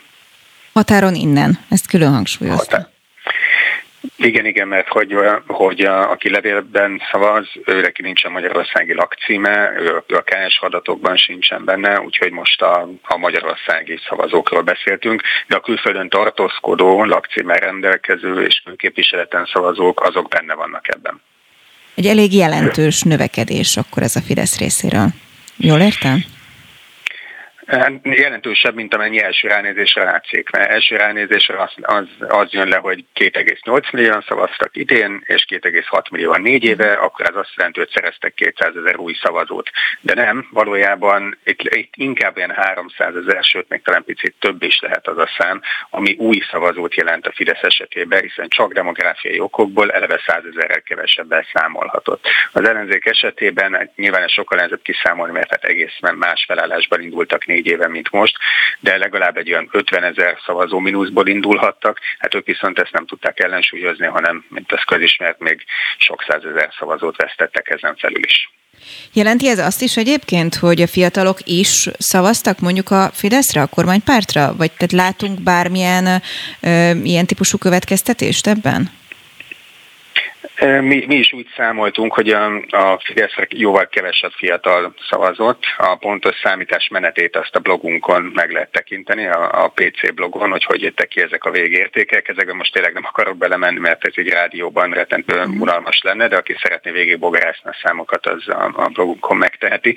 De igen, mi is természetesen úgy számoltunk, hogy, hogy ismert, hogy milyen választói csoportokban erősebb, illetve gyengébb a Fidesz, a fiatalok körében gyengébb, az idősek, idősek körében körében erősebb, úgyhogy eleve úgy jöttek ki ezek az értékek, hogy úgy számoltunk, hogy többen hunytak el, vélhetően a Fidesz táborából átlagosan, mint az ellenzék táborából, és az új belépők körében pedig kevesebben választották a Fideszt, és többen az ellenzéket, legalábbis az országos átlaghoz képest, de természetesen vannak a fiatalok között is új Fidesz szavazók. Hogyan látja egyébként ebből milyen következtetéseket vonhatnak le a pártok, vagy kell -e ebből bármilyen következtetést levonni, hogy önök tudtak egy ilyen számot produkálni? Önmagában ebből még nem sok politikai cselekvés következik, csak tényleg azt vettük észre, hogy sok olyan felületes elemzés született, ahol a két értéket, a négy évvel ezelőtt itt meg az ideit, azt kivonták egymásból, és ezzel a faktorral egyáltalán nem számoltak. Tehát az elemzéseket lehet alaposabbá tenni, hogyha, hogyha beépítjük ezeket a, ezeket a számokat, és hát ami pedig a, a politikai következményt illeti, nem 200 ezer új Fidesz szavazót kell keresni, hanem legalább 300 ezeret, ez az egyik legfőbb eredménye ennek az elemzésnek. László Robert, a politikai kapitál választási szakértője. Nagyon szépen köszönöm, hogy a rendelkezésünkre állt, és akkor az elemzés fent van az önök oldalán. Köszönöm. Köszönöm, minden jót viszontalásra. Spirit FM 92.9 A nagyváros hangja és idén tizedik alkalommal indult el a Teszed akció, a héten egyébként több mint ezer találkozási ponton lehet csatlakozni a Hát az ország legnagyobb országos hulladékgyűjtő akciójához erről fogunk beszélgetni Balog Szilviával, az Innovációs és Technológiai Minisztérium megbízott a helyettes államtitkárával, hogy felfokozzam így gyorsan. Jó reggelt kívánok! Jó reggelt kívánok, üdvözlöm a hallgatókat! Mi a tapasztalata most tíz év távlatából? Emlékszem még, amikor először szerveztünk ilyet, néhány civil mozdult meg, most több mint ezer találkozási pont van. Hova fejlődtek? Igazából nyilvánvaló, hogy a ennek az akciónak a sikerességéhez hozzájárul az, hogy a klíma és természetvédelmi akciótervben foglaltakkal összhangban a kormány kiemelt célja az illegális hulladékkal szennyezett területeknek a felszámolása, hiszen mindannyian tiszta környezetet és tisztább országot szeretnénk, és ezért, ahogy ön is jelezte, idén tizedik alkalommal kerül megvalósításra ez az akció, amely egyben hazánk legnagyobb önkéntes hulladékgyűjtési akciója, melyhez a ebben az évben is az eszközöket és a szállítás és kezelés költségeit az Innovációs és Technológiai Minisztérium biztosítja. Egyre népszerűbb az akció, és ez lehetőséget biztosít a szűkebb és távolabb környezetünknek a megtisztítására is. Hogyan látja egyébként, mekkora probléma most az illegális hulladék, hogyha mondjuk Magyarországot vesszük, és egyáltalán mely régiókban jelent ez problémát? Minden régióban problémát jelent, minden régióban más összetételű ennek az illegális hulladékoknak a hulladék áramai. Tulajdonképpen ez egy nagyon régóta elhúzódó országos probléma, amelyben a felszámolását most kiemelten kezeli a kormány. Az akció egyébként erősíti is a környezetudatos gondolkodást, és egyben széles körű szemléletformálással is bír, hiszen aki ezen az akción részt vesz, akár felnőttként, akár gyermekként, utána biztos, hogy meg fogja gondolni, hogy eldobjon-e bármilyen szemetet. Általában ugye ezek a hulladékkupacok, amiket ilyenkor megtisztítanak az önkéntesek, már sajnos szelektíven nem gyűjthetőek, de közvetetten arra is hatással bír, hogy erősítse a szelektív hulladékgyűjtésbe a azt, hogy az emberek így gyűjtsék az, a hulladékokat. Tehát tulajdonképpen én úgy gondolom, hogy a közösségi összefogást is erősítő részén egy nagyon fontos környezetudatos gondolkodást erősítő feladata is van az akciónak. Elindult az akció a héten. Hol tartanak most? Vannak-e részadatok? Jelenleg nincsenek részadatok, igazából a tavalyi évről van az, hogy ezzel az akcióval 3000 tonna hulladéktól sikerült az országot megtisztítani. Jelenleg ugye, amit ön is felvezetett, hogy 1049 találkozási pont került regisztrálásra, és az, az igényelt zsákok száma pedig meghaladja a 100 ezer darabot. Tehát ebből azért lehet arra következtetni, hogy ismét egy széleskörű összefogás van az akció mögött, hiszen oktatási intézmények, államigazgatási szervek, munkahelyi közösségek, társadalmi szervezetek által létrehozott önkéntes csoportok és magánszemélyek is találhatóak a résztvevő regisztráltak között. Hogyan látja egyébként, mi lehet az eredménye egy ilyen összefogásnak? A végére ön mire számít? Hát arra számítok, hogy, hogy tényleg a lakosság látni fogja, hogy fontos az, hogy tisztább környezetben éljünk, és hogy mindegyikünknek közös érdekünk a tiszta jövőnek a megtakarítása, amivel nem szavakkal, hanem tettekkel is kell és lehetséges tennünk. Így a helyettes államtitkárság, illetve az ITM más szervezeti egységei is aktívan részt vesz, tehát nem csak a megszervezésében, hanem most a személygyűjtési akcióban is megjelöltünk helyszíneket, ahova kimegyünk és megtisztítjuk a területet. Ezzel egyfajta példát is mutatva, hogy lehet mennyivel szebb egy tiszta környezet, sem mint egy szemetes terület. Balog Szilvia, nagyon szépen köszönjük, és akkor majd az eredményekkel várjuk vissza. Köszönöm szépen, viszont. Spirit FM 92.9 A nagyváros hangja Parkolóház és irodák épülnének a Rákóczi hídnál. Az ellenzők szerint a baloldali kerületvezetés 2019-ben azzal kampányolt, hogy új Buda megtelt. Most mégis támogatnak egy beépítést. A kerületi építési szabályzat módosítását javasló Orosz Anna alpolgármester szerint a főváros engedélyezte a beépítést még 2017-ben, viszont parkolóház is épülne a területre, amely enyhítené az autókban fuldokló lágymányos parkolási gondjait, írja a 24.hu. Nem mindenki számára elfogadott azonban a korábban koncertek helyszíneként szolgáló terület jövőbeli sorsa. Novák Erőddel a Mi Hazánk mozgalom 11. kerületi önkormányzati képviselőjével beszélgetünk. Jó reggelt kívánok! Jó reggelt kívánok! És akkor kezdjük eme, hát kvázi helyi ügyjel, és aztán szeretném, hogyha országos politikáról is beszélnénk, és lenne rá időnk. Szóval itt mi a probléma ön szerint? Hát az, hogy egy március 31-i aláírású, de azért a választások előtt még titkolt előterjesztés szerint egy ilyen építőipari lobby szolgálatába állva elüldözné a fővárosnak az egyik legnevezetesebb, nev, nevezetesebb, nevesebb szórakozó helyét, a Barbanegrát, a Rákóczi híd mellől, és helyére egy újabb irodaház létrehozása és hát az épület területének növelése érdekében módosítják, illetve már sajnos módosították is a kerületi építési szabályzatot. Ugye ez egy kicsit ilyen állatorvosi ló, hiszen a DK fővárosának minősül Újbuda, úgymond a legnagyobb szerzeményük volt ez az önkormányzati választáson, és a Hamzsa Bégi úti légi folyosó végét úgy javasolják lezárni, hogy a körülbelül 7000 négyzetméternyi területen 80%-os beépítést engednének és hát nem szégyelték leírni a tervben, hogy pusztán egyetlen fának biztosítanának helyet, még zöldtetőket sem terveztek az épületre. Tehát ennek igenis hangot kell adni, és az, hogy Orosz Anna utolsó előterjesztése nyomán ismét szembe mennek a választási jelszavukkal, és szerint új Buda megtelt, és tovább növelik az irodaház beépítési területét az építési szabályzat módosításával a építőipari lobby szolgálatába állva, egyúttal kiszorítják a barba negrát, ebben szerintem felelőssége van az önkormányzatnak is. Jobb volna, ha inkább tényleg az öldítéssel foglalkoznának a, a, a területek rendbetételével. Örömmel hallottam, hogy most is a teszed szemétszedő akcióról beszéltek itt a rádióban is, mi magunk is a Mi Hazánk mozgalommal tegnap este folyamán. Például Új-Budán is próbáltunk néhány területet megtisztítani. Én szerintem ezzel az önkéntességre nagyon nagy szükség van, de a más civil szempontokat, például egy, egy kitűnő szórakozóhely megőrzését is szem előtt kellene tartani, pláne hogyha annak az alternatívája egy újabb irodaház, miközben azzal kampányoltak, hogy új Buda megtelt, és most mégis az építési szabályzatot is módosítják az építető kénye kedve szerint, hiszen a jelenlegi szabályozás szerint, az eddigi szabályozás szerint nem épülhetne meg ilyen nagy méretű irodaház, tehát a parkolók építését természetesen támogatjuk, mert abból is hiány van, és egyébként kötelező önkormányzati feladat, a törvény szerint, és ezzel nem nagyon szoktak foglalkozni, de most itt az van napirenden, hogy tovább ö, ö, növelik az irodaházzal való beépítési területet, és ezzel ellen tiltakozott a Mi Hazánk mozgalom, miközben sajnos ez a szivárvány koalíció megszavazta ezt a főváros legnépesebb kerületében. No, hát mindeközben akkor ugorjunk egy kicsit az országos ügyekre, meg volt egy alakuló ülés, sőt, önöknek volt beadványa is, önnek is. Mi volt ez?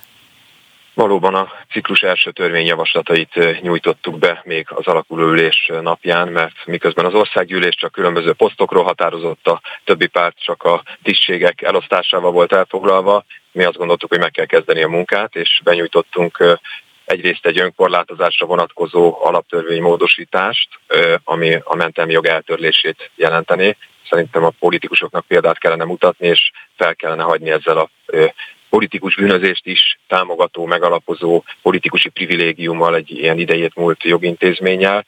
Mi komolyan gondoljuk azt, ami egyébként az alaptörvényben le van írva, hogy a törvény előtt mindenki egyenlő, csak aztán úgy tűnik, hogy vannak egyenlőbbek, akiknek jár a politikusi felelőtlensége kiskapuja. Hát erre nyújtottunk be egyrészt alaptörvénymódosítást, másrészt pedig a veszélyhelyzet megszüntetése érdekében egy törvényjavaslatot nyújtottunk be. Minket a választók azért küldtek az országgyűlésbe, hogy ezeknek a kérdéseknek hangot adjunk. A Mi Hazánk Mozgalom víradat programját szeretnénk ellenzékből is megvalósítani.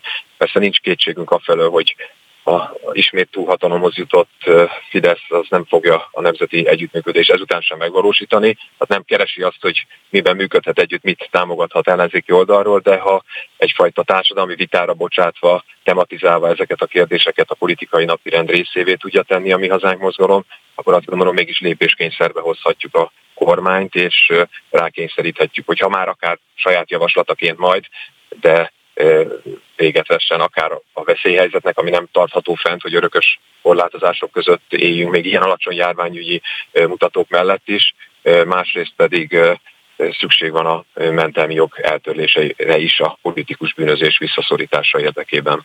Ma már ö, volt erről szó, és kíváncsi vagyok az önvéleményére is, így kvázi végszóra. Ugye az alakuló ülés kapcsán ö, Hollik ö, István azt mondta, hogy igazából aki kivonult, az ö, csak azért ment be, hogy felvegye a pénzt, és, ö, és ö, dolgozni nem akar. A Momentummal is beszéltem ö, a mai adásban, őket is megkérdeztem erről, akik ugye kivonultak, ők azt mondják, hogy hát nyilván, tehát nem tagadták, hogy kell a pénz ahhoz, hogy ö, dolgozzanak és működjenek, de parlamenten kívül gondolják ezt a politizálást hatékonyabbnak. A mi hazánk mit gondol erről? Az utcai politizálást mi is szeretnénk folytatni, nem véletlenül az ország legnagyobb majálisát szerveztük meg például most vasárnap, és nyilvánvalóan tüntetésekben is gondolkozunk, standolni is fogunk, és már folyamatban is vannak ezek, és folyamatosan találkozunk az emberekkel, de ha az országgyűlési választáson elindultunk, az azt jelenti, hogy képviselői munkát vállaltunk. Tehát ezek után szerintem nem tisztességes azt mondani, hogy mégse látjuk el a feladatunkat, tehát mi ezért is nyújtottuk a törvényjavaslatainkat. Ezekkel igenis lehet tematizálni, sokszor visszaköszönnek Fideszes javaslatként a mi általunk benyújtott javaslatok, tehát nem korrekt a választások után azt mondani, hogy bocsánat, a képviselői munkát mégse kívánom ellátni, csak fölveszem a fizetést. Tehát mi úgy tekintjük, tartjuk tisztességesnek, ha elmondjuk az érveinket, még ha azok nem is biztos, hogy közvetlenül a, az adott napi rendben hatnak a Fidesz kétharmadára, de igenis van társadalomformáló hatása van, közéletet meghatározó, tematizáló hatása, és a javaslataink gyakran visszaköszönnek, kezdve akár a Torockai Lászlónak a határkerítésre vonatkozó sok évvel ezelőtti javaslatával. Sok olyan ötletünk volt, ami előbb-utóbb megvalósult, jellemzően kormányzati előterjesztésként végül. Bárki fogná a szelet a vitorlánkból a Fidesz, vagy bármelyik ellenzéki párt, hogy a javaslatainkat átveszi, tehát valóban folytatni kell az utcai politizálást, de amellett azt gondolom, hogy a szakmaiságnak, a szakmai javaslatoknak is helye van az országgyűlésben. Novák előtt nagyon szépen köszönjük, hogy a rendelkezésünkre állt, a mi hazánk országgyűlési képviselőjével beszélgettünk az elmúlt percekben. Szép napot! Viszontlátásra! És a stúdióban megyünk tovább Eldézsi Zoltánnal, mert hogy perceken belül itt lesz a bistró, és átadom neked a stafétát. Köszöntelek, mi mindent hoztál. Jó reggelt, szervusz, és köszöntöm a kedves hallgatókat is. Hát csupa szép eredményről fogunk ma beszámolni, aminek én nagyon örülök, annál is inkább, mert például a Mystery Gang nevű együttes énekese Egri Péter, aki szerintem egy zseniális művész és a Rockabilly legnagyobb magyarországi képviselője, meghívást kapott Amerikába egy olyan fesztiválra, ahol rajta kívül 25 amerikai, talán egy angol és egy magyar. Tehát kvázi wow. ketten képviselték az európai kontinest, és ha minden igaz, akkor még Jerry Lee Lewis-zal is tudott találkozni, hát majd kifaggatom arról, hogy mi minden történt ott Amerikában. Nagyon várom ezt a beszélgetést, megmondom őszintén. Nagy a titkolódzás, tehát beszéltem a sajtósával, és mindent elárult, de nem árult el semmit sem. És tehát adásban? Adásban fog... nagyon remélem, hogy el fogja árulni, mert elég addig rövid kérdez, beszélgetés lesz. No, miről fogsz még, és kivel beszélgetni? Aztán meglátogattam Keleti Éva fotóművészt, aki gyakorlatilag azt kell mondjam, hogy nincs olyan magyar színész az 50-es évektől a 80-as évekig, akit ne fotózott volna. Zseniális. Ő azt mondta 91 éves, hogy ő nem jönne be, menjek kivigyek egy mikrofont, és arról beszél, és kimentél, akarok, nem és Persze, elmentem, Torónikővel elmentünk hozzá, és csináltunk vele egy 40 perces interjút, azt most megfeleztük, és akkor 20 percet fogunk belőle leadni. Olyanokról beszél, mint nem tudom, Besenyei Ferenc, aki a 60. születésnapját az ő lakásában ünnepelte, Ó, például komoly. magányosan. De azt is elmesél, hogy amikor Törőcsik Marit először látta, és először fotózta, akkor Törőcsik Mari neki még csókolommal köszönt, és amikor utoljára fotózta, akkor meg Törőcsik Mari már csak néhány hónapra volt az élete végétől, tehát tényleg elképesztő sztoriai vannak Éva nénének. Várjuk nagyon, és még egy témát mondhatsz röviden. Oké, okay, akkor melyik is legyen az? Ja, hát Audrey Hepburn ma lenne 93 éves, ugye a római oh. vakáció a világ legszebb nője volt A világ akkoriban. legstílusosabb nője szerintem. És még az is. Tehát egyszerűen imá... Én most megnéztem tegnap direkt a filmet, hogy tudjak Csákvári Géza kritikustól kérdezni, és így, hogy 26-szor láttam, most is imádtam a filmet, nem csak régen. Úgyhogy hát ilyesmikkel várom a bistróba a kedves No, itt már lazul a hangulat, a szerkesztő Somodi Solymos Eszter már beöltözött Audrey Hepburnnek odakin, úgyhogy melyek csatlakozom hozzájuk. Köszönöm az ő munkáját, Tóró Nikolett segédszerkesztőnek is a hozzátett értéket, Kátai Kristófnak pedig a technikai dolgokat. Holnap is én várom Önöket csütörtökön, ez volt már az aktuális, akkor hallgassák tovább a Spirit fm hiszen átadom Eldézsi Zoltának a terepet. Szép napot!